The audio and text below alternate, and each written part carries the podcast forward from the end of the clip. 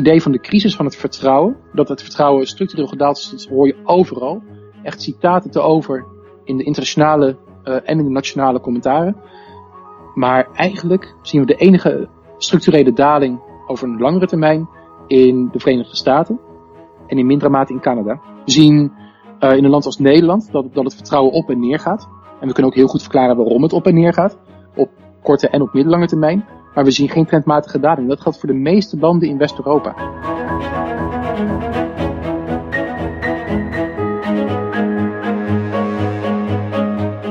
Steeds zien we dat nieuwe partijen die succesvol zijn, nieuwe thema's opwerpen gekoppeld aan wantrouwen waarom de andere partijen daar niet mee te vertrouwen zouden zijn. En dat zien we in Nederland al heel lang.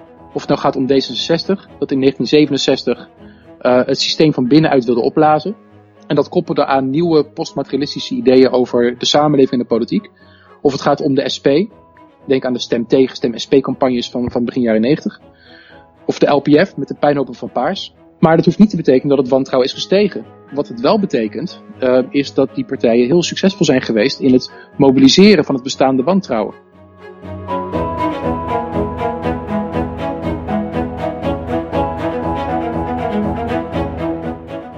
Ik ben ook heel benieuwd hoe naar de huidige situatie wordt gekeken. Die, die coronacrisis, er zitten hier twee narratieven die eigenlijk met elkaar strijden.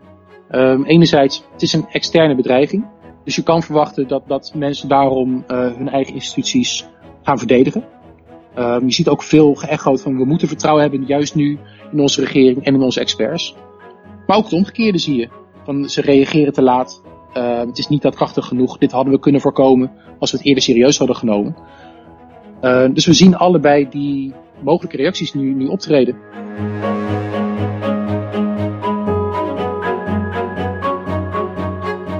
Je kan in zekere zin zeggen dat, dat, dat de transactiekosten van het beleid om deze crisis te lijf te gaan heel veel hoger zullen zijn um, als er weinig vertrouwen is.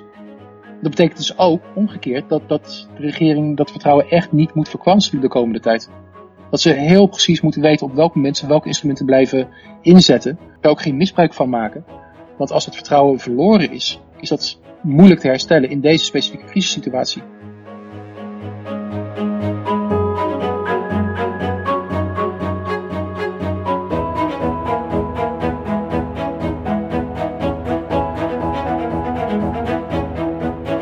Dag allemaal, welkom bij de Stuk Rood Vlees podcast. Mijn naam is Armin Hakverdian, ik ben politicoloog aan de UvA.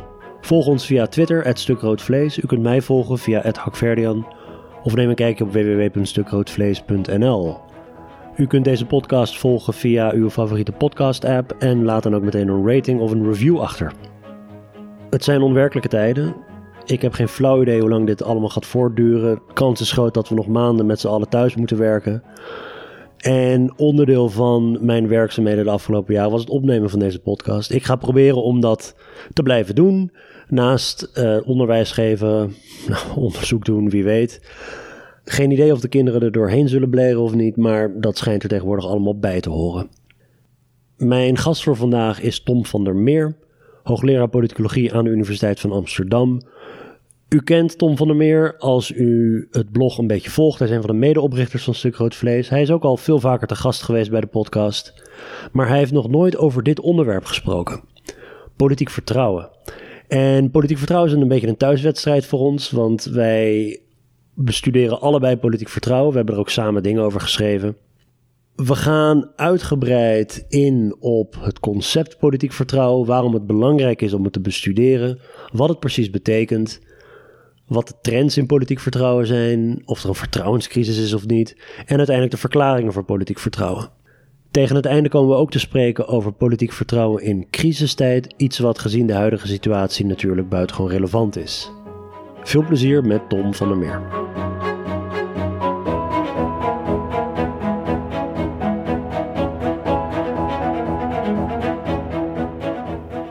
Tom, welkom bij de podcast. Dank. Dit is de eerste keer dat we dit niet in persoon opnemen. Nee, dat is wel heel merkwaardig. Voel, voel ik me opeens zo'n correspondent van buitenaf. Ja, inderdaad. Um, we zijn allebei aan het thuiswerken. En deze aflevering wordt ook een beetje een thuiswedstrijd. Want politiek vertrouwen is uh, ons onderzoeksonderwerp. Allebei, we hebben er ook samen over geschreven. We hebben er ook los van elkaar over geschreven. Waarom is het belangrijk om politiek vertrouwen te onderzoeken? Ja, daar raak je meteen al een beetje het hart van de zaak. Politicologen gaan er al een jaar of vijftig van uit dat politiek vertrouwen heel erg belangrijk is voor een democratie. Het, het, het, idee is dat als het vertrouwen zou verdwijnen of als het vertrouwen heel laag zou zijn, dat een democratie dan uh, moeilijker overleeft, eerder instort. Of dat op zijn minst er uh, een democratie dan aan een hele grote verandering onderhevig zal zijn. Dus dat dan bijvoorbeeld het kiesstelsel zou moeten veranderen om maar dat vertrouwen weer te herstellen. Dat is de hele grote aanname.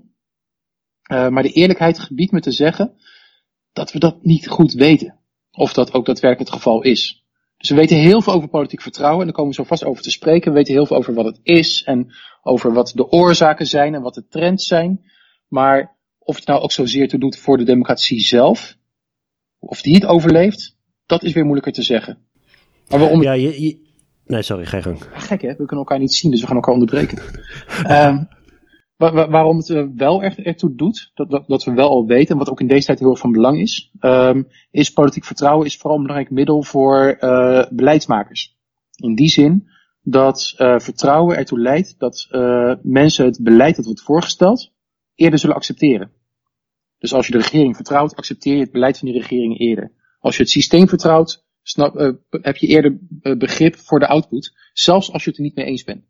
En in crisistijd is dat vertrouwen dus ook echt een heel belangrijke hulpbron voor een, een regering om, om besluiten te kunnen nemen. Ja, daar komen we straks ongetwijfeld over te spreken, omdat we nu natuurlijk zo'n nationale crisis beleven. Even terug naar, naar waarom je politiek vertrouwen zou onderzoeken. Sommige van onze collega's die beschouwen politiek vertrouwen eigenlijk inherent als iets belangrijks, als een soort van thermometer van hoe goed of slecht het gaat met een regime. Hoog politiek vertrouwen zien ze als een soort van indicator van, van, van legitimiteit. Laag politiek vertrouwen zien ze als, um, nou ja, als, een soort, als een soort bewijs van, van de afwezigheid van legitimiteit. Dus, dus niet eens beargumenteerd vanuit, het, uh, vanuit de positie van politiek vertrouwen leidt tot iets wenselijks. Politiek vertrouwen zelf wordt eigenlijk al gezien als um, ja, belangwekkend. Nou, dat zie je heel vaak. En, en nou, daar heb ik eigenlijk twee reacties op waarom dat niet het geval is. Ten eerste wil je in de democratie niet zomaar vertrouwen. Je wil vertrouwen als het vertrouwen gerechtvaardigd is. En in, in de democratie hoop je op vertrouwen in het systeem. Uh, dus op, op de procedures die met z'n allen hebben. Maar waar je, wat, je, wat je niet wil is blind vertrouwen in, in de beleidsmakers. Uh, blind vertrouwen in, in de regering. Degene die, die dat systeem bewonen. Uh, dan wil je in de democratie juist een soort van sceptisch. Uh, sceptische burgers, dat zijn burgers die uh, de politiek blijven monitoren, scherp houden, ter verantwoording roepen waar het nodig is. En sceptisch is dan ook niet iets negatiefs. Het is niet dat je dan cynisch bent, maar het is eigenlijk die opvatting dat je uh, steeds probeert je, je, je houding te updaten met nieuwe informatie. Dus dat je alle nieuwe informatie die beschikbaar wordt, positief of negatief, gebruikt om je houding verder te onderbouwen. Dus in een democratie wil je ook heel graag sceptisch hebben. En dan komt ook meteen de tweede reactie als we landen vergelijkend kijken, dus Nederland vergelijken met heel veel andere landen in de wereld, dan kunnen we wel stellen dat er maar weinig landen in de wereld zijn waar echt veel mensen vertrouwen hebben in de politiek, in de regering en het parlement. De landen waar dat vertrouwen hoger is dan nou, 80 procent, dus dat vier op de vijf mensen of meer vertrouwen heeft, dat is uh, op de vingers van twee handen te tellen. En dat zijn niet de landen die je als meest democratisch zou beoordelen denk ik aan landen als, als China, uh, Qatar, Singapore, uh, Azerbeidzjan. Daar ligt het vertrouwen bijzonder hoog. En dat is niet puur een artefact uh, um, van de meting. Maar dat is niet het land waar je aan spiegelt. Als je kijkt naar westerse democratieën, um, of democratieën in bredere zin in, in, in West- en, en Centraal-Europa, in Noord-Amerika, in Zuid-Amerika, in Oceanië, dan ligt het vertrouwen heel vaak onder de 50 procent. Nederland zit een beetje in de subtop van uh, landen met relatief veel vertrouwen voor een democratie. Want hier schommelt dat vertrouwen, afhankelijk van je meting, zo ongeveer rond de 50%. Vertrouwen is op zichzelf niet iets positiefs. Vertrouwen is vooral positief als het wordt verklaard door goede prestaties en goede procedures in je land. Ja, precies. Dus dan, dan raak je eigenlijk al aan, aan de aard van het vertrouwen. Op het moment dat vertrouwen hoog is in een land, betekent het niet per se dat het land het goed doet. Dat hangt er heel erg vanaf of de burgers zelf laten we zeggen, het, het systeem als zodanig weten te evalueren. Maar daar, daar komen we straks ook over te spreken, want het is natuurlijk een van de kernvragen in die literatuur voor politiek vertrouwen. Waar komt het vandaan? Maar Mhm. ik denk dat het wel heel belangrijk is om aan het begin vast te stellen dat, dat blind vertrouwen is eh, eigenlijk onwenselijk. Net zoals blind wantrouwen onwenselijk is. Wantrouwen aan zich is helemaal niet erg op het moment dat hij ergens op gestoeld is. Nee, sterker nog, we zien dus met eh, eh, die, die sceptische burgers, eh, die, die hun oordeel aanpassen. Als bij hun het vertrouwen daalt, dan komen ze in actie. Dus dan, dan, gaan ze, eh, dan worden ze actievere burgers. Want dan proberen ze dat recht te zetten. Eh, en verkiezingen functioneren eigenlijk ook op die manier bijvoorbeeld. We, organiseren elke paar jaar verkiezingen. Juist vanuit een systeem van georganiseerde sceptisch, georganiseerd wantrouwen. En omdat we bij verkiezingen in staat worden gesteld om eh, de machthebbers en de volksvertegenwoordigers te nudgen, of, of, of soms zelfs te vervangen, leidt leidt de verkiezingen er ook elke keer weer toe dat het vertrouwen zich flink herstelt. Politiek vertrouwen is een vorm van vertrouwen. Dus laten we even inzoomen op wat dat vertrouwen nou precies is. Hoe, eh, hoe definieer je vertrouwen en hoe is het anders dan andere houdingen als, weet ik veel, cynisme en, en, en noem maar op? Ja, ik denk dat het allereerst belangrijk is om te bepalen wat vertrouwen is ten opzichte van steun. Vertrouwen wordt beschouwd als een soort van onderdeel van steun. Er zijn allerlei indelingen die worden gemaakt door wetenschappers als Pippa Norris en, en, Russell Dalton en, en eh, eerder al door Easton. Die zeggen van ja, politiek vertrouwen is vooral gericht op instituties, regering en parlement. Nou, dat vind ik niet heel erg bevredigend. Uh, wat veel belangrijker is aan het vertrouwen ten opzichte van, van steun, is dat vertrouwen alleen maar kan bestaan als er onzekerheid is. Of als degene waar je vertrouwen in hebt een soort van macht over je heeft. Denk bijvoorbeeld aan, aan wanneer we uh, een, een, een bordspel zitten te spelen, Risk bijvoorbeeld. dan, dan kan ik iemand aanvallen, zijn levens aanvallen. En dan kan ik ver, erop vertrouwen dat de andere spelers mij niet in de rug zullen aanvallen terwijl ik dat doe. Nou, dat vertrouwen dat impliceert automatisch dat de andere een bepaalde vorm van macht over mij heeft. En dat geldt ook wanneer ik vertrouwen heb in mijn, mijn vrouw om een geheim te bewaren. Dat, dat impliceert dat ze een bepaalde vorm van macht heeft. Namelijk, ze kan dat geheim ook weer verklappen. Ze kan het doorgeven. En toch ja, heb en ik vertrouwen.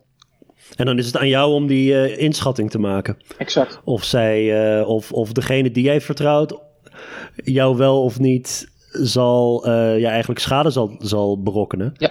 Uh, grote onzekerheid en uh, dus onzekerheid in combinatie met een machtsrelatie. Dat, Ja. dat, dat, dat zorgt ervoor dat het vertrouwen is. Ja, en er zit een, een rare paradox in. Hoe groter het risico, hoe moeilijker het is om te vertrouwen. Maar tegelijkertijd hoe nuttiger het vertrouwen soms kan zijn. Je ziet wel eens van die staatjes dat, dat wordt vergeleken van ja, welke beroepsgroepen worden nou het meeste vertrouwd. Of uh, welke instituties in Nederland worden het meeste vertrouwd. Dat zegt me nooit zo heel erg veel.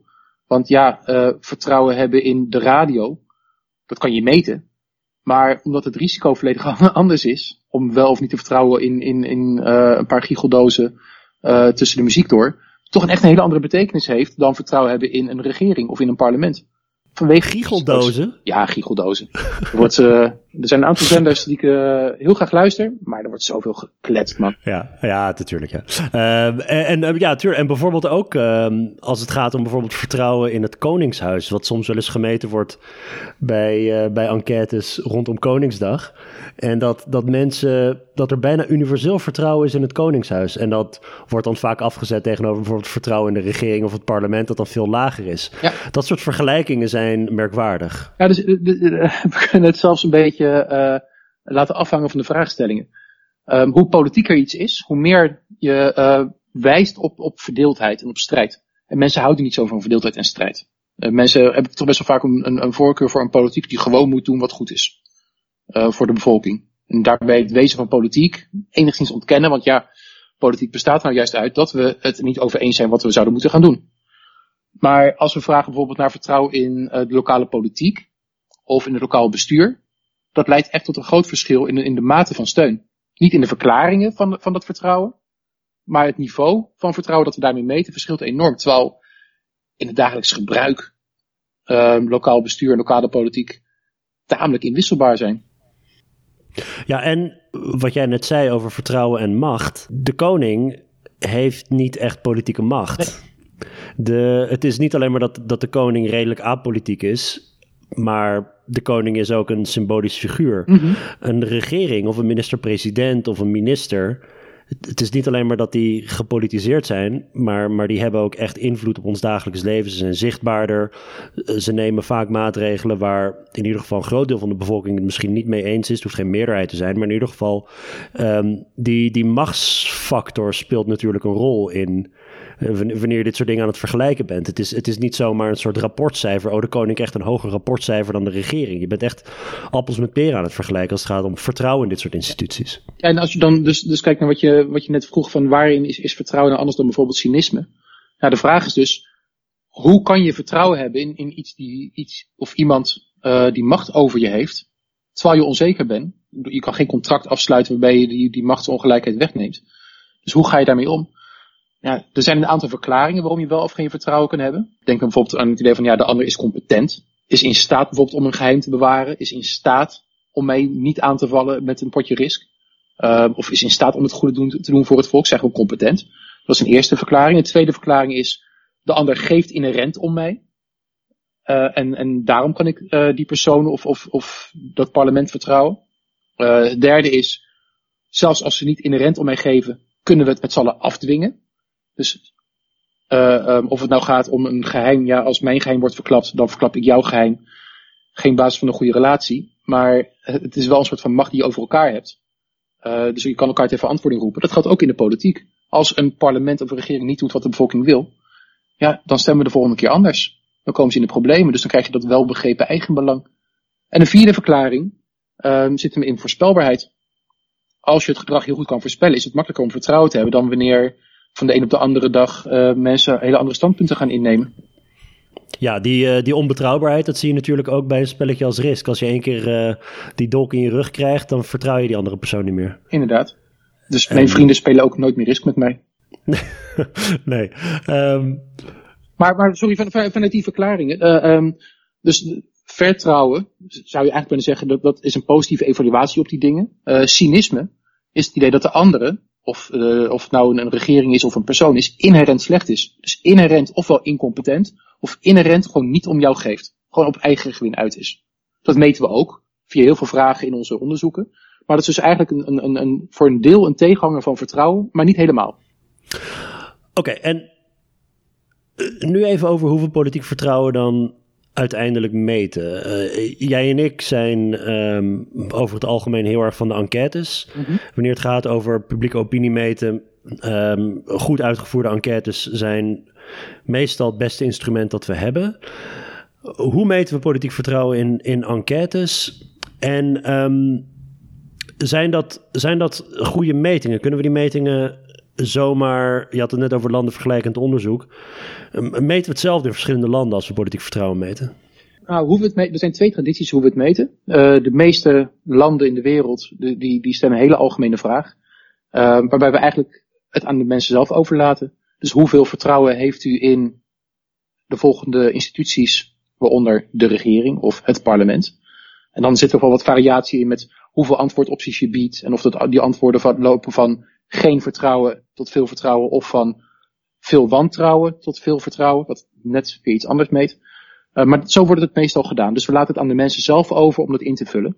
Maar er is ook nog een, een, een Amerikaanse traditie, die ook in Canada wel wordt gebruikt, in Australië. Die um, stelt echt de vraag, um, hoeveel uh, vertrouwen heeft u erin dat de regering het goede zal doen voor de bevolking, ook als u dat niet hoeft te monitoren? Dus die, die stellen een soort van andere vraag. Maar de meeste landen in de wereld die laten het eigenlijk gewoon over aan mensen om het zelf in te vullen. En dat vind ik een heel goed idee. Want dan kunnen we zelf proberen te verklaren als onderzoekers waar dat vertrouwen vandaan komt. Ja, precies. Ik, ik ben ook meestal die. die het, het klinkt op papier klinkt het alsof die tweede optie wenselijk is, omdat je dan als onderzoeker heel concreet maakt wat mensen onder vertrouwen moeten verstaan. En ik denk dat het ook um, kan nuttig zijn. Wat ik heel boeiend vind aan die meer bredere definitie is dat je dan je eigen onderzoek gaat dan eigenlijk over het um, uitzoeken waarom mensen nou dat antwoord geven, ja of nee. Dus dan uh, mensen kunnen zeggen bijvoorbeeld, ja, maar vertrouwen. Uh, dat als je mensen zomaar vraagt, heeft u vertrouwen of niet? Ja, is, is, het dan een, uh, is het dan een waardering of is het dan iets dat, dat aangeleerd is? Of, of, hè? Maar dat is dan precies waar het onderzoek over gaat. Ja. Als het aangeleerd is, dan kunnen we andere theorieën aanwenden om te verklaren of mensen wel of geen vertrouwen hebben. Wanneer het een, een soort van, van oordeel is over, de, over het functioneren van de regering, dan gebruiken we andere theorieën en dan kijken we wat, wat blijft plakken of niet. Ja, um, wat volgens mij de traditie is waar wij allebei ja. min of meer in zitten. wat, wat, wat, volgens mij hier ook van belang is, is dat de meeste mensen um, gebruiken het woord vertrouwen dagelijks. Um, het is iets, zo, zo, denken we ook over mensen, zo denken we ook over instituties. En we kunnen mensen wel in een bepaalde mal dwingen van ons, ons theoretisch onderliggende model van wat vertrouwen zou moeten zijn. Maar dat is nou juist iets wat je expliciet wil toetsen. Uh, wat ook moet kunnen verschillen over verschillende groepen individuen heen. Dat leidt volgens mij er ook toe dat, dat, dat er een rare uh, spanning op het onderzoek soms zit. Um, op macroniveau kunnen we ontwikkelingen in vertrouwen ontzettend goed verklaren. Dus we kunnen heel goed verklaren waarom in het ene land het vertrouwen zo hoog is dan in het andere land. Of uh, waarom op sommige gevallen door op, op crisis uh, wordt gereageerd met de stijging van het vertrouwen en soms juist met een daling van het vertrouwen. Uh, waarom door de tijd heen mensen anders reageren. Dat, dat, kunnen we heel goed verklaren. Maar op microniveau, de onderliggende processen op individueel niveau, zijn veel moeilijker te snappen. Ja, juist omdat we mensen die vrijheid geven. Nu ben jij bezig met een onderzoeksproject naar vertrouwen. En de aanleiding om dat project te gaan doen is, is dat overal in het publieke debat politiek vertrouwen wordt aangewend om bijvoorbeeld een beleidsvoorstel te doen. En dan met name natuurlijk um, dat we in een bepaalde vertrouwenscrisis zouden zijn beland. En dat brengt me eigenlijk op, op een hele simpele vraag. Ik bedoel, jij kent die surveydata erg goed in verschillende werelddelen, verschillende tijd, tijdstippen en, en noem maar op. Is politiek vertrouwen structureel aan het dalen of niet? En zie je verschillen tussen verschillende werelddelen? Um, zo op de tweede vraag is ja. Op de eerste vraag is het structureel aan het dalen? Nee. Ik denk dat het heel belangrijk is om twee dingen uit elkaar te trekken. Uh, ten eerste hebben we het, wat ik net onderscheid, onderscheiden heb, is um, het vertrouwen in het systeem. Of bijvoorbeeld de tevredenheid met hoe de democratie functioneert. is ook zo'n standaardvraag. Sterk gerelateerd aan het vertrouwen in de politiek. Daarvoor zien we dat in heel veel landen die tevredenheid is gestegen door de jaren heen. Uh, bijvoorbeeld in Nederland uh, gold dat tot begin jaren 80, van begin jaren 70 tot begin jaren 80, maar zo'n zo'n 60, 65% van de mensen daar tevreden over was. En dat is, is gestegen tot gemiddeld zo'n 80% over de laatste 10 jaar heen. Dus die tevredenheid is echt een heel stuk hoger geworden. Um, in heel veel andere landen zien we ook een stijging, in, in andere, andere landen weer niet. In de Verenigde Staten is die tevredenheid gedaald.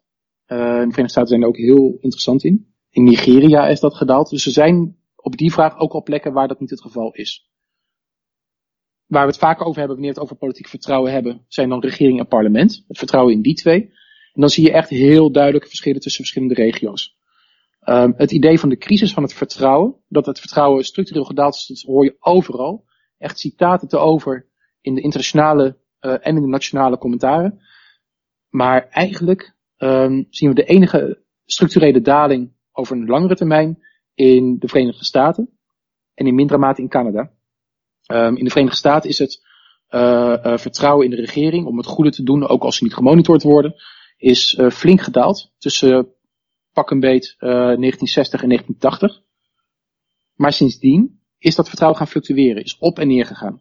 Dus we zien vanaf de jaren 80, ook in de Verenigde Staten, geen structurele daling meer van het vertrouwen. En er zijn ook wel redenen waarom dat vertrouwen zo ging dalen natuurlijk in, in, die, in deze periode. Dat was de tijd van heel veel politieke moorden. Kennedy, nog een Kennedy, Martin Luther King, de Vietnamoorlog, Watergate. Uh, al die schandalen binnen een relatief korte periode hebben tot een flinke daling geleid. Maar sindsdien is het dus op en neer aan het gaan. Het tweede regio waar we een daling zien is Centraal-Europa.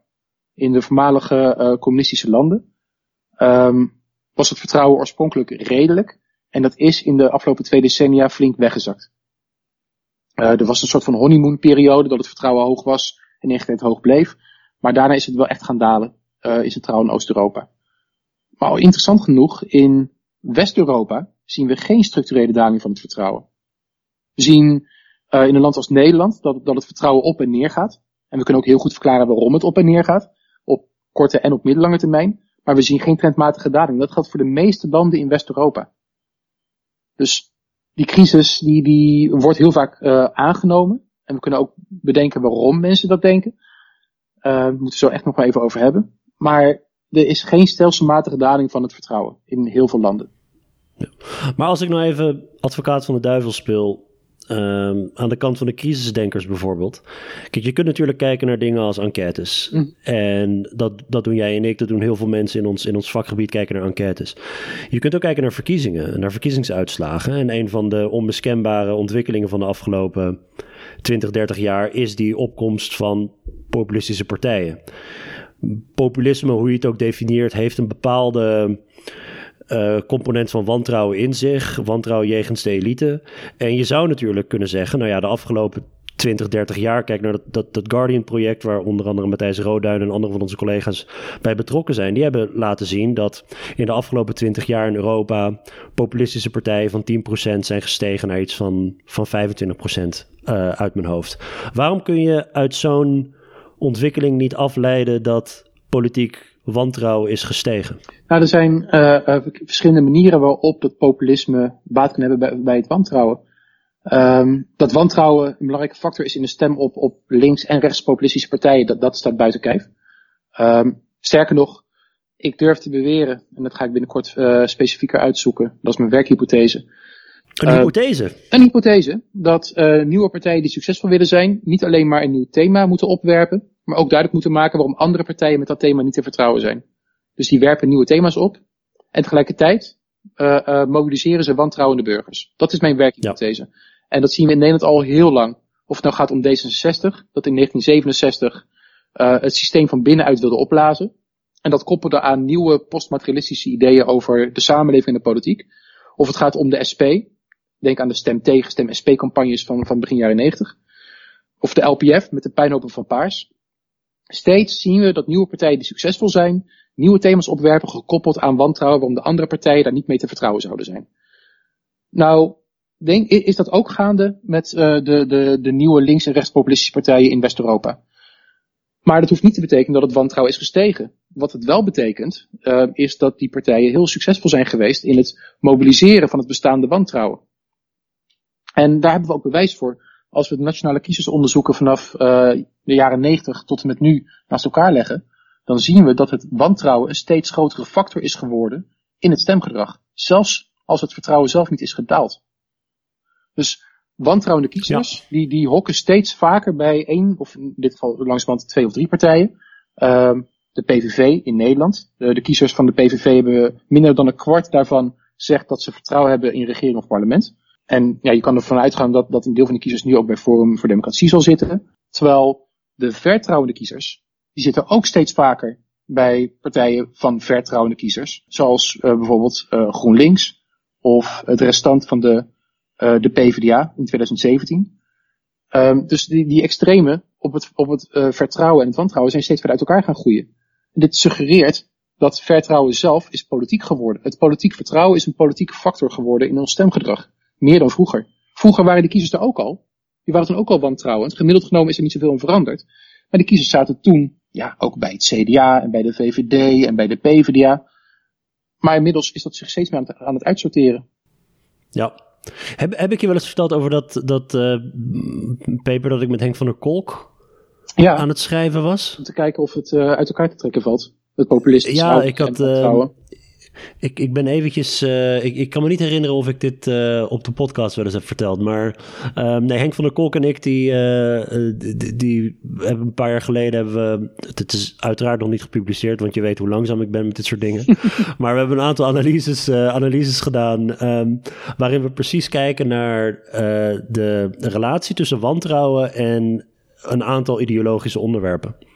En dat gaat over bijvoorbeeld inkomensverdeling, dat gaat over immigratie, dat gaat over Europese integratie.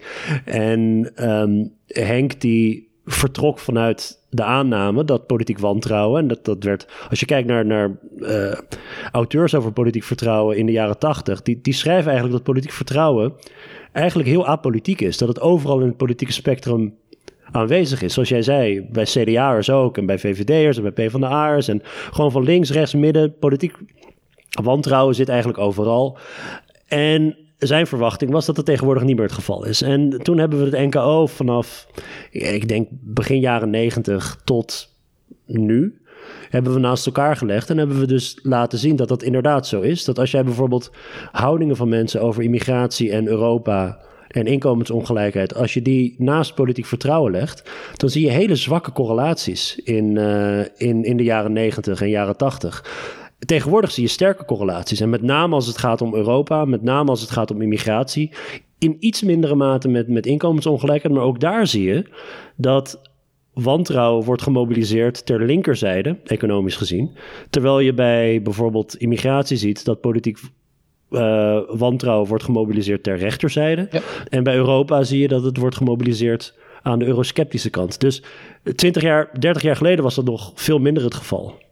En dat is wel interessant, dat politiek vertrouwen dus eigenlijk politiek aan het worden is. Ja, ik heb in Mauratie ook laten zien, door het gewoon echt uitzetten tegen stemgedrag. En je ziet heel duidelijk die ontwikkelingen. Je ziet gewoon de, het, het, het, ja, de, de, die groepen trekken steeds verder uit elkaar. En ik denk dat dat een van de belangrijke verklaringen ook is waarom we zo vaak denken dat er een vertrouwenscrisis is. Um, ik heb eigenlijk in feite al twee redenen genoemd. Uh, de eerste is dus van dag tot dag daalt het vertrouwen ook heel vaak. En in verkiezingstijd zijn we in ons commentaar een beetje blind ervoor dat het vertrouwen dan een enorme boost krijgt. Dus de dagelijkse werking van vertrouwen is dat het gemiddeld genomen eerder iets zal dalen. De tweede verklaring is dus dat het wantrouwen zelf heel erg politiek is geworden, heel veel zichtbaarder is geworden dan voorheen. Uh, er is nog een derde verklaring, volgens mij, die heel erg interessant is. En die derde verklaring is dat de publieke opinie een, een, een hele pessimistische grondtoon heeft. Het onderzoek van het Sociaal en Cultureel Planbureau, uh, van Paul Dekker en Josje den Ridder, uh, en eerder van Evie Steenvoorde, heeft ook al heel vaak laten zien dat het vertrouwen, uh, of sorry, dat, dat, dat, dat mensen pessimistisch zijn over de toekomst. En um, in het verleden zijn er ook onderzoeken daar geweest, dat ze mensen een jaar lang hebben gevolgd. Dus gewoon een jaar lang weten van hoeveel vertrouwen hebben ze in uh, politiek Den Haag en in de samenleving en in de economie. En na dat jaar werden die mensen ook nog eens een keertje gevraagd, ja, als u nu terugkijkt, hoeveel vertrouwen denkt u dat u vorig jaar had? En wat dan interessant is, gedurende dat jaar waren de opvattingen eigenlijk heel erg gestegen. Maar als mensen terugkeken, denken ze, ja, vorig jaar was het beter.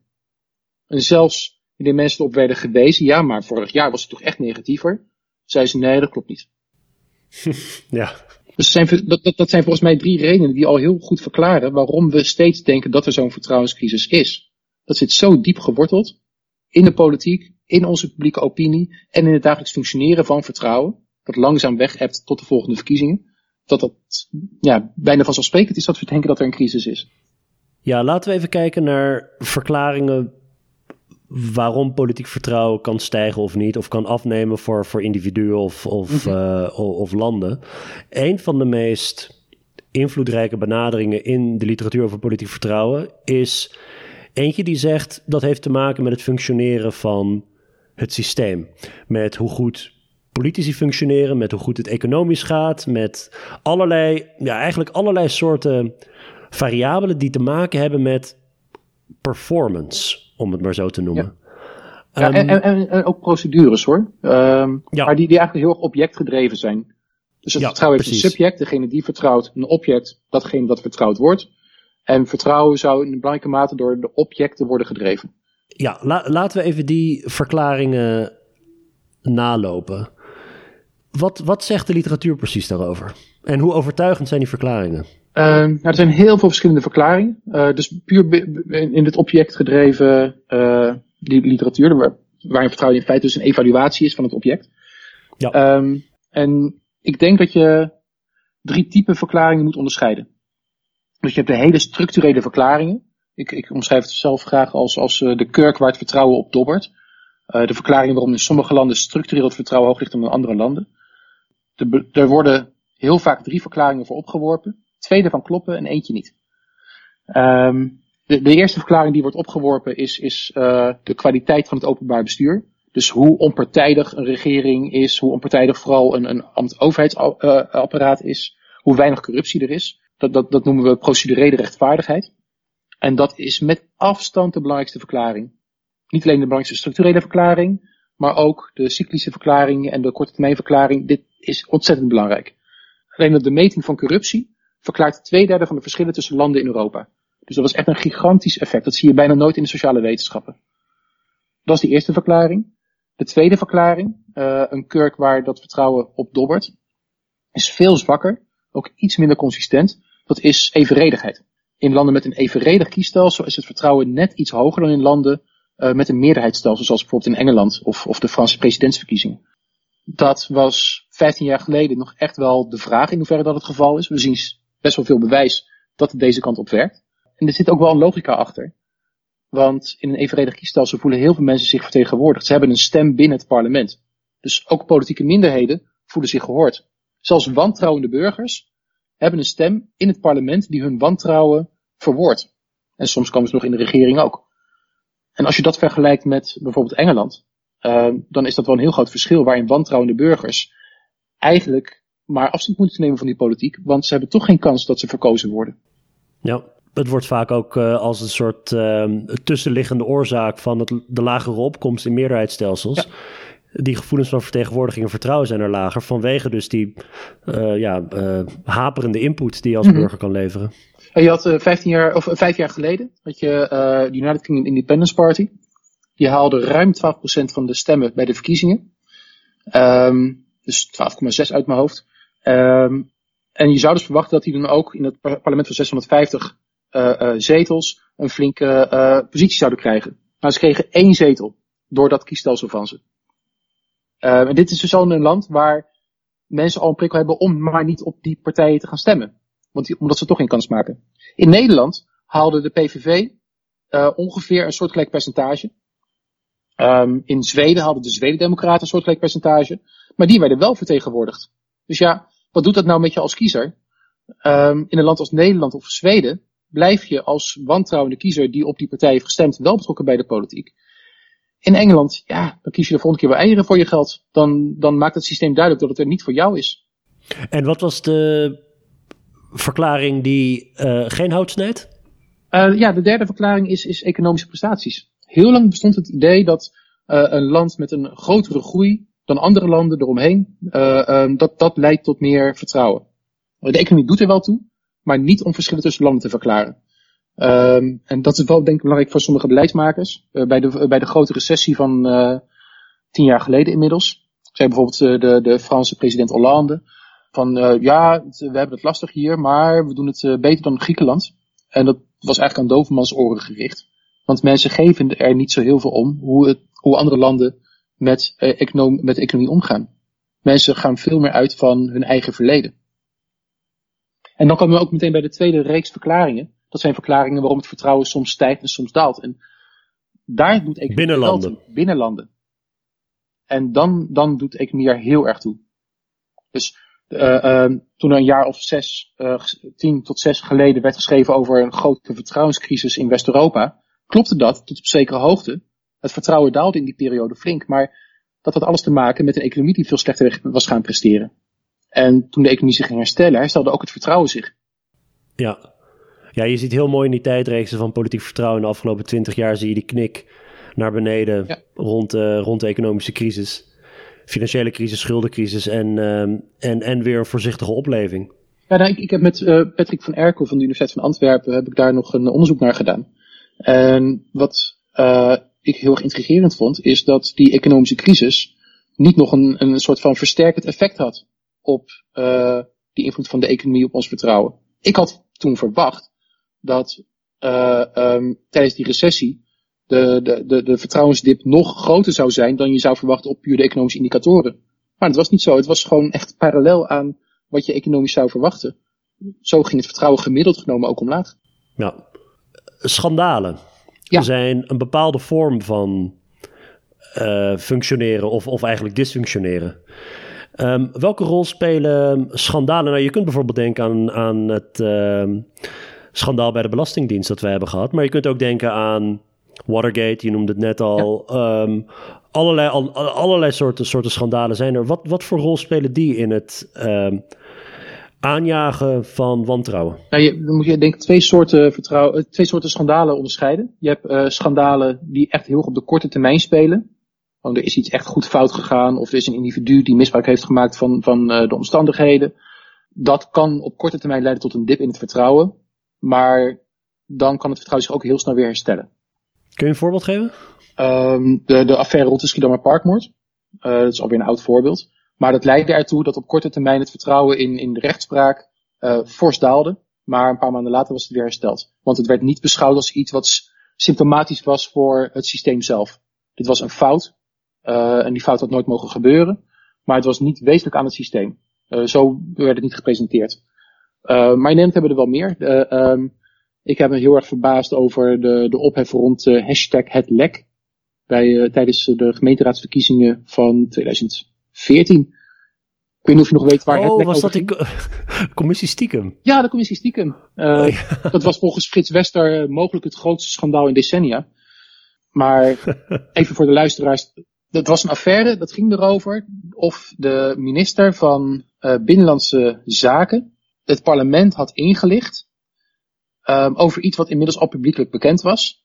En er was iemand, en niemand weet wie, die heeft gezegd tegen uh, uh, de pers, ja, de minister heeft ons ingelicht, namelijk via de commissie stiekem, waaruit nooit gelekt mag worden.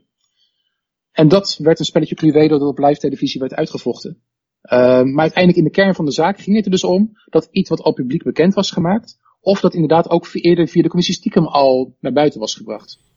Ja, hier zaten die fractievoorzitters in, toch? Die, die inlichtingendienst, ja. ja, ja, ja. Uh, commissie van de Tweede Kamer. Exact. En, en uh, die heeft een geheimhoudingsplicht. Maar ja, inmiddels, hetgene waar het over ging, was dus al publiekelijk naar buiten gekomen. Um, maar dat, dat werd echt op, live op tv, werd, werd hier een strijdje van gemaakt. Er werd zelfs nog een aanklacht ingediend door de voorzitter van die commissie, Albe Zelstra, bij het OM, als een soort van vlucht naar voren. Dat zelfs het OM heeft moeten zeggen, ja jongens, zoek dit lekker zelf uit. Op een veel nettere manier dan ik het nu uitleg. Maar dat soort schandalen, dat niet het wezen van de politiek raakt en dat niet iets endemisch is, ja, daar herstelt het vertrouwen zich heel snel van. Maar wat problematischer zijn, zijn echt die endemische schandalen. Uh, dus endemisch betekent schandalen die echt het wezen van de politiek raken, die bijna symptomatisch lijken te zijn voor een systeem. Um, en die meestal ook niet alleen één partij omvatten, maar meerdere partijen. Uh, regering en oppositie. En daar zijn vooral in het buitenland wel goede voorbeelden van te vinden. Denk dus aan Amerika met uh, Watergate, de Vietnamoorlog, die politieke moorden. Dat was echt endemisch aan het systeem dat er iets fout was. Of België in de jaren negentig met uh, de Augusta-affaire, uh, met de Dutroux-affaire. Dus allemaal corruptieschandalen tegelijkertijd en, en, en, competentieschandalen. Ja, dat, dat omvat het hele politieke spectrum. Italië met de, de, hoe heet die, die vuile handen affaire. Ja, exact. Of Engeland met hun bonnetjesschandaal waarin allerlei uh, uh, private uitgaven werden gedaan door parlementsleden van allebei de partijen voor, uh, met, met publiek geld. zo gingen mensen een drijvend eendenhok bouwen of een ander parlementslid had een tweede huis gedeclareerd dat überhaupt nooit gebouwd was. Ja, dat leidde tot echt een flinke daling voor een langere tijd. Um, of in Hongarije. de hele reden waarom Orbán überhaupt aan de macht kon komen um, heeft te maken met zo'n endemisch schandaal. De, voormalige minister-president um, liet mogelijk tapes uitlekken waarop hij uh, aan Intimi vertelde dat zij het land jarenlang hadden voorgelogen en dat de ondersteunende instituties daaraan hadden meegewerkt. Dus de staat van het land. Uh, wat helemaal niet zou deugen, wat helemaal niet zou kloppen. Uh, dat zijn echt endemische schandalen. En in Nederland denk ik dat we er een paar jaar geleden aan ontsnapt zijn. Aan zo'n endemisch schandaal. Dat was uh, ons eh, bonnetjesaffaire, maar een heel ander soort bonnetje was de Tevendeal. Wat ook, ja, in eerste instantie was het van ja, hoeveel hebben we nou uitgegeven aan die ene zaak.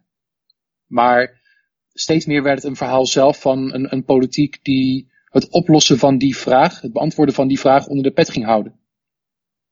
En ja, dat krijgt wel langzamerhand een endemisch karakter. Maar ik durf te beweren dat het, het, het grote verschil van die zaak uh, met andere zaken in het buitenland is geweest dat bijna alle sleutelfiguren in Nederland bij één partij zaten, de VVD. Dus of het nou ging om Teven, of om achtereenvolgende ministers van Justitie, of om een uh, voorzitter van de Tweede Kamer die een, uh, door de shredder heeft gehaald. Um, al die of een, een, Kamerlid dat zich ermee bemoeide, het waren allemaal VVD'ers.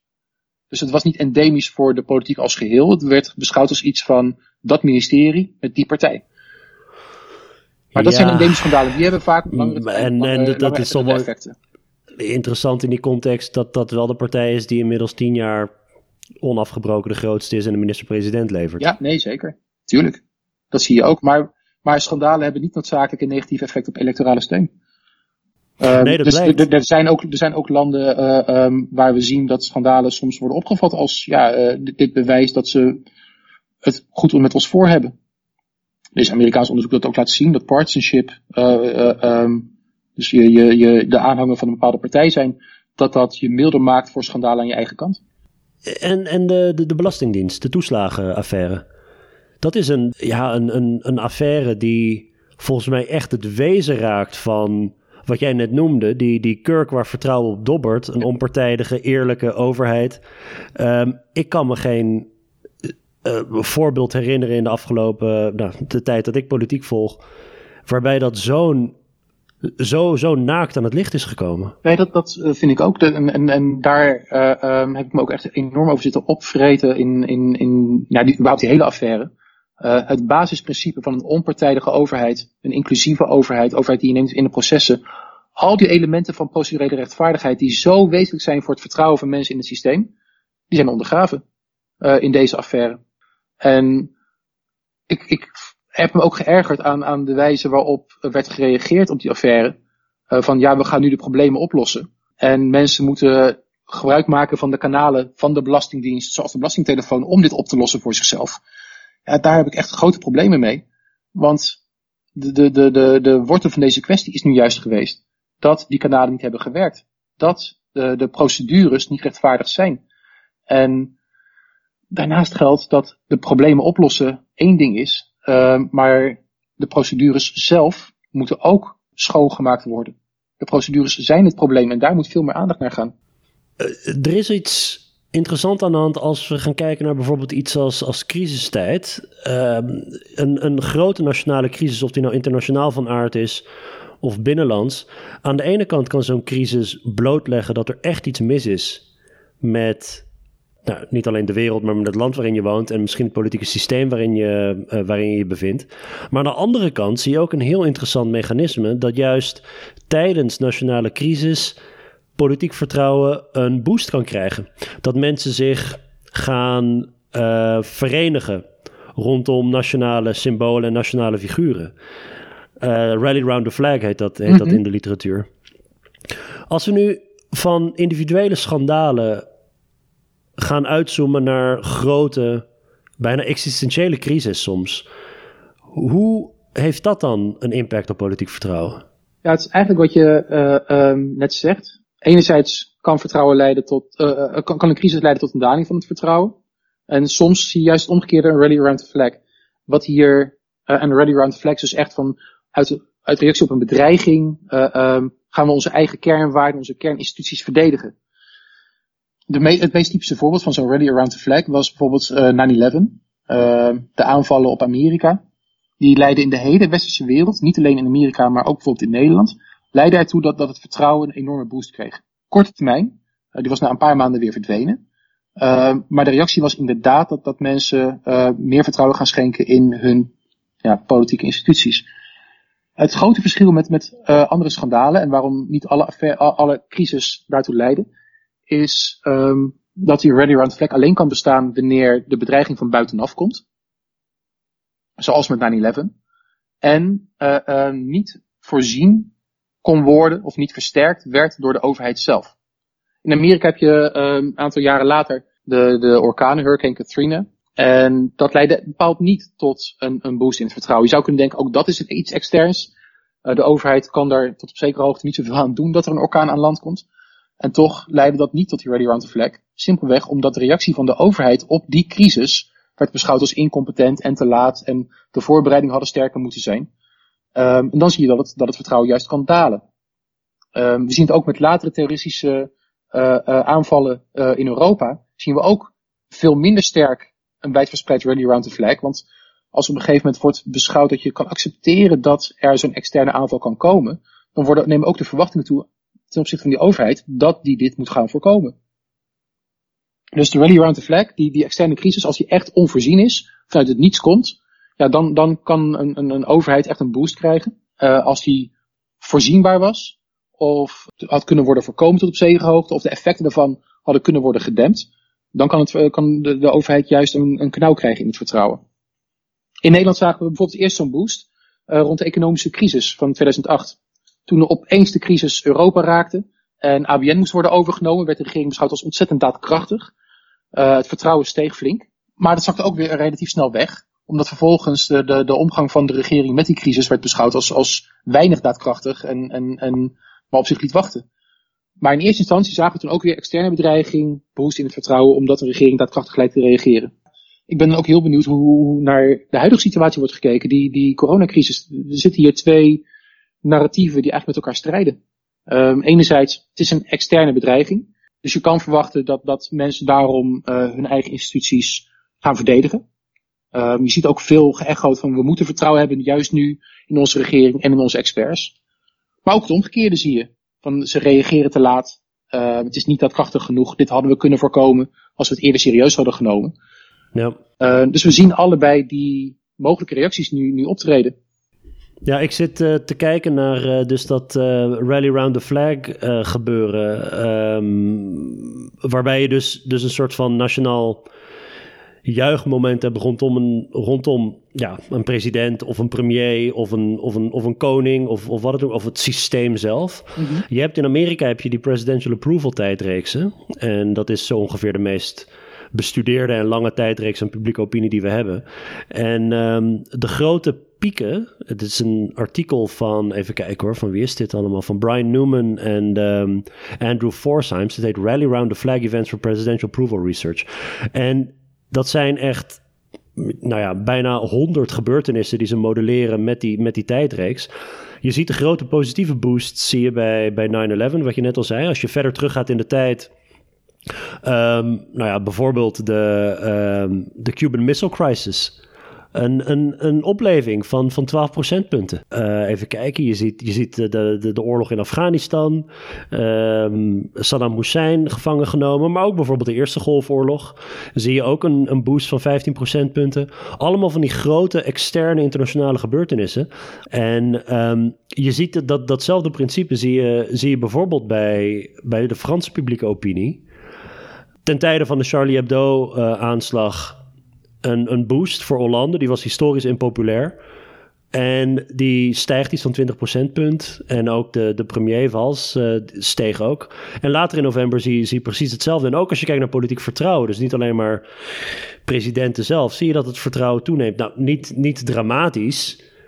Maar een tijdelijke ehm, opleving zie je wel. Maar dan is alsnog een beetje de vraag als dat gebeurt, zo'n rally round the flag, wat is het principe dat dan mensen zich wel gaan verenigen rondom ook politieke figuren? Dus dan hebben we het niet over de koning mm-hmm. of, of wat, maar, maar bijvoorbeeld een Amerikaanse president is ja, een extreem machtig en politiek figuur. Dat, dat zijn nou net die ingrediënten die ervoor zorgen dat politiek vertrouwen juist um, ja, het lastig is om zo iemand te vertrouwen, zeker als die van een andere partij is. En toch zie je dat dat leidt tot boosts ook in de populariteit van de Amerikaanse regering. Wat, wat voor psychologische mechanismen zitten daarachter? Dat lijkt me heel moeilijk te duiden. Eigenlijk zitten we nu op het niveau, op het derde niveau van de verklaringen. Dus we hadden het net eerst over die kurk gehad waar het vertrouwen op drijft. En dan had je die verklaringen die op middellange termijn leiden tot, tot stijgingen en dalingen. De, economie, de endemische crisis. Je ziet het als het getij, het eb en vloed. En we zitten nu op het niveau van de golven. Uh, op, echt op het microniveau waarom op korte termijn het vertrouwen kan pieken of kan dalen. En dan spelen imago's en, en incidenten en, en zo Ready Round Flex spelen een echt een serieuze rol. Um, maar is het omdat je een, een, een, een soort van boost krijgt in je, in, je, in je nationale trots? Is dat het? Of is het vanwege angst? Of is het vanwege zeg maar, emoties? Ik bedoel, er, er, er, zit, er gebeurt iets met mensen. Ja. En ook met politieke tegenstanders. Die dan ineens een president gaan steunen die uh, ja, ze daarvoor nog echt haten. Ja, ik, ik denk dat het goed is om hierbij echt een onderscheid te maken tussen uh, prestaties van een regime, die leiden tot, tot vertrouwen op korte termijn, en reacties op externe bedreigingen. Externe bedreigingen die, die appelleren aan een gevoel van nationale eenheid en we moeten er samen voor staan, die solidariteit. Um, ik denk ook dat die tweede in, in de huidige context waar we nu zitten een stuk relevanter is. Um, maar, maar dan zien we dat, dat het element van, van dreiging een heel wezenlijke bijdrage levert aan, aan, aan de stijging van het vertrouwen. En bijvoorbeeld tegenwoordig, als we het, als we het gaan uh, vertalen naar ja, de afgelopen paar dagen. Gisteren heeft Mark Rutte voor het eerst sinds de jaren zeventig was er een, was er een nationale toespraak van een premier live, direct gericht aan, mhm. alle, uh, aan alle Nederlanders. Um, dat is precies een situatie waarin je rally around the flag verwacht. Een externe dreiging. Nou ja, of die externe dreiging uiteindelijk wordt vertaald, zoals jij net zei, in een, in een kritiek op de reactie op die dreiging, dat, dat zullen we allemaal de komende weken en maanden uh, ondervinden. Maar je zag wel heel veel stemmen opgaan die zeiden van ja, hier zit iemand die boven de politiek uitstijgt. Terwijl je aan de andere kant mensen hadden die zeiden: nee, dit is een extreem politieke toespraak. En die nog steeds die sceptis, sceptisch behielden ten opzichte mhm. van Rutte. Ja, kijk, ik, ik, ik denk dat het een en ander niet hoeft uit te sluiten. Dat zagen we dus ook bij de grote recessie van uh, 2008. Uh, dat uh, er was enerzijds een boost in het vertrouwen op korte termijn en anderzijds uh, een daling op de wat langere termijn. Um, dus die twee kunnen tegelijkertijd bestaan. Wat ik wel belangrijk vond aan, aan uh, de, de, de speech die Rutte gaf, is dat het eigenlijk heel erg inhaakte op een ander deel van de verklaring van politiek vertrouwen. Waar we het nu toe over hebben gepraat is heel erg dat, dat idee van evaluatie. Dat het heel erg door het object wordt gedreven. Um, maar er zit ook een element in van, van subjecten die, die vertrouwen, de individuen die wel of geen vertrouwen hebben. De neiging om te vertrouwen verschilt ook van individu tot individu. Het is een optelsom van allebei eigenlijk, of iemand wel of geen vertrouwen heeft. En Evie Steenvoorde heeft een heel mooi proefschrift geschreven een aantal jaar geleden over het maatschappelijk onbehagen. Um, wat hier volgens mij een belangrijke factor in is. Dat maatschappelijk onbehagen is eigenlijk in de kern het idee dat, uh, van mensen dat ze geen grip meer hebben. Dat we als samenleving geen grip meer hebben op onze toekomst. Dat de politiek minder grip heeft op de samenleving. Dat de normen en waarden aan het vervagen zijn. Dat je als individu weinig grip hebt op je eigen toekomst. Dus het idee van grip speelt in, in dat onbehagen een, een, een wezenlijke rol. En wat we de laatste jaren in Nederland best wel veel hebben gezien, is dat politiek leiders dat onbehagen vertolken. Dus dat ze zeggen, ja, er is dat onbehagen en mensen die onbehagen zijn moeten aan, aan tafel kunnen zitten. Um, of het nou gaat om, om, om gele hesjes of om andere groepen, uh, die moeten kunnen meepraten. Maar wat uh, Rutte deed, en dat is veel moeilijker, um, was ook vervolgens A, dat erkennen. Zo begon zijn speech ook. Die zorgen die er zijn, de angsten die er zijn, maar dan vervolgens ook richting aangeven. Uh, richting geven aan een soort van gezamenlijk lotsbestemming die we hebben. Hoe we het gaan aanpakken, wat de alternatieven zijn, wat de scenario's zijn, en mensen daarin meenemen. En vanuit het, puur vanuit het perspectief van het onbehagen en daarmee dus vanuit het vertrouwen, denk ik dat het, dat het een, een, een hele goede speech was. Inhoudelijk, moet ik erbij zeggen, heb ik geen enkel verstand van, van epidemiologie, van, van virussen, van volksgezondheid. Dus daar kan ik niet over oordelen. Maar puur vanuit de speech denk ik dat het heel belangrijk is om mensen op deze manier mee te nemen. En de keuze om deze toespraak door de premier te laten doen in plaats van door de koning, dat heeft natuurlijk ook een bepaalde lading. Um, als je het door de premier laat doen, dat is een politiek figuur, dus mm de machtigste persoon in ons land. Het is ook niet zomaar een premier, het is een premier die er al tien jaar heeft gezeten. Het is een premier die in het verleden toch wel wat steekjes heeft laten vallen met dingen als geloofwaardigheid. Uh, beloftes naar, naar de bevolking toe. Ik bedoel, ik noem maar wat dingen waardoor mensen wantrouwen kunnen hebben in de Rutte mhm. en degene die de. Uh, aan de andere kant heb je bijvoorbeeld een nationaal figuur zoals de koning. Maar wanneer de koning iets zegt, heeft dat waarschijnlijk niet dezelfde gewichtige lading als wanneer de premier het zegt. Dus het is, het is lastig of je nou. Uh, een, een, zeg maar een wereld waarin, waarin de koning deze toespraak had gehouden en, en de minister-president. Uh, ja, je kunt een apolitieke figuur die boven de partijen uitstijgt, kun je dit laten doen. Aan de andere kant, door, door het door de premier te laten doen, geef je aan dat het buitengewoon uitzonderlijk is wat we nu meemaken. Mhm. Maar het is wel meteen ook een persoon met een. het is geen onbeschreven blad dat daar zit. Weet je wel? Het is, nee, maar het is dezelfde Rutte die ook mensen, uh, ja, ook, ook, ook veel mensen wantrouwen vanwege uh, andere politieke dingen die hij heeft gedaan. Ja, maar tegelijkertijd, het is um, een, een, een, een koning uh, of een koningin in het verleden uh, kan je inzetten bij een nationale ramp wanneer de reactie die daarop moet volgen niet politiek is. Dus rond de Belmerramp, om, om maar zo'n voorbeeld te noemen, ja, dan, dan kan ik me voorstellen dat de, reactie makkelijker en misschien zelfs beter vanuit een apolitiek figuur staatshoofd kan worden gegeven. Maar in dit geval is het niet alleen de boodschap van we staan voor een moeilijke situatie, maar ook nog eens keer we moeten er richting aan geven. En dat er richting aan geven waarbij een politieke keuze gemaakt is en waar mensen op deze manier worden meegenomen. Ja, daar moet je volgens mij inherent een politiek figuur voor neerzetten. Dan is natuurlijk interessant in hoeverre een, een, uh, een premier met een ja, politieke achtergrond, met een politieke kleur, daar de meest geschikte voor is.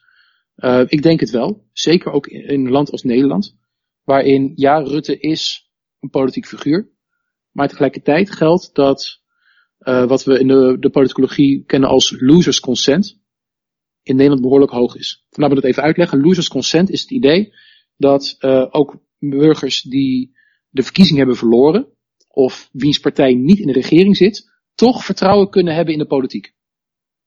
En in sommige landen is dat losers consent relatief laag.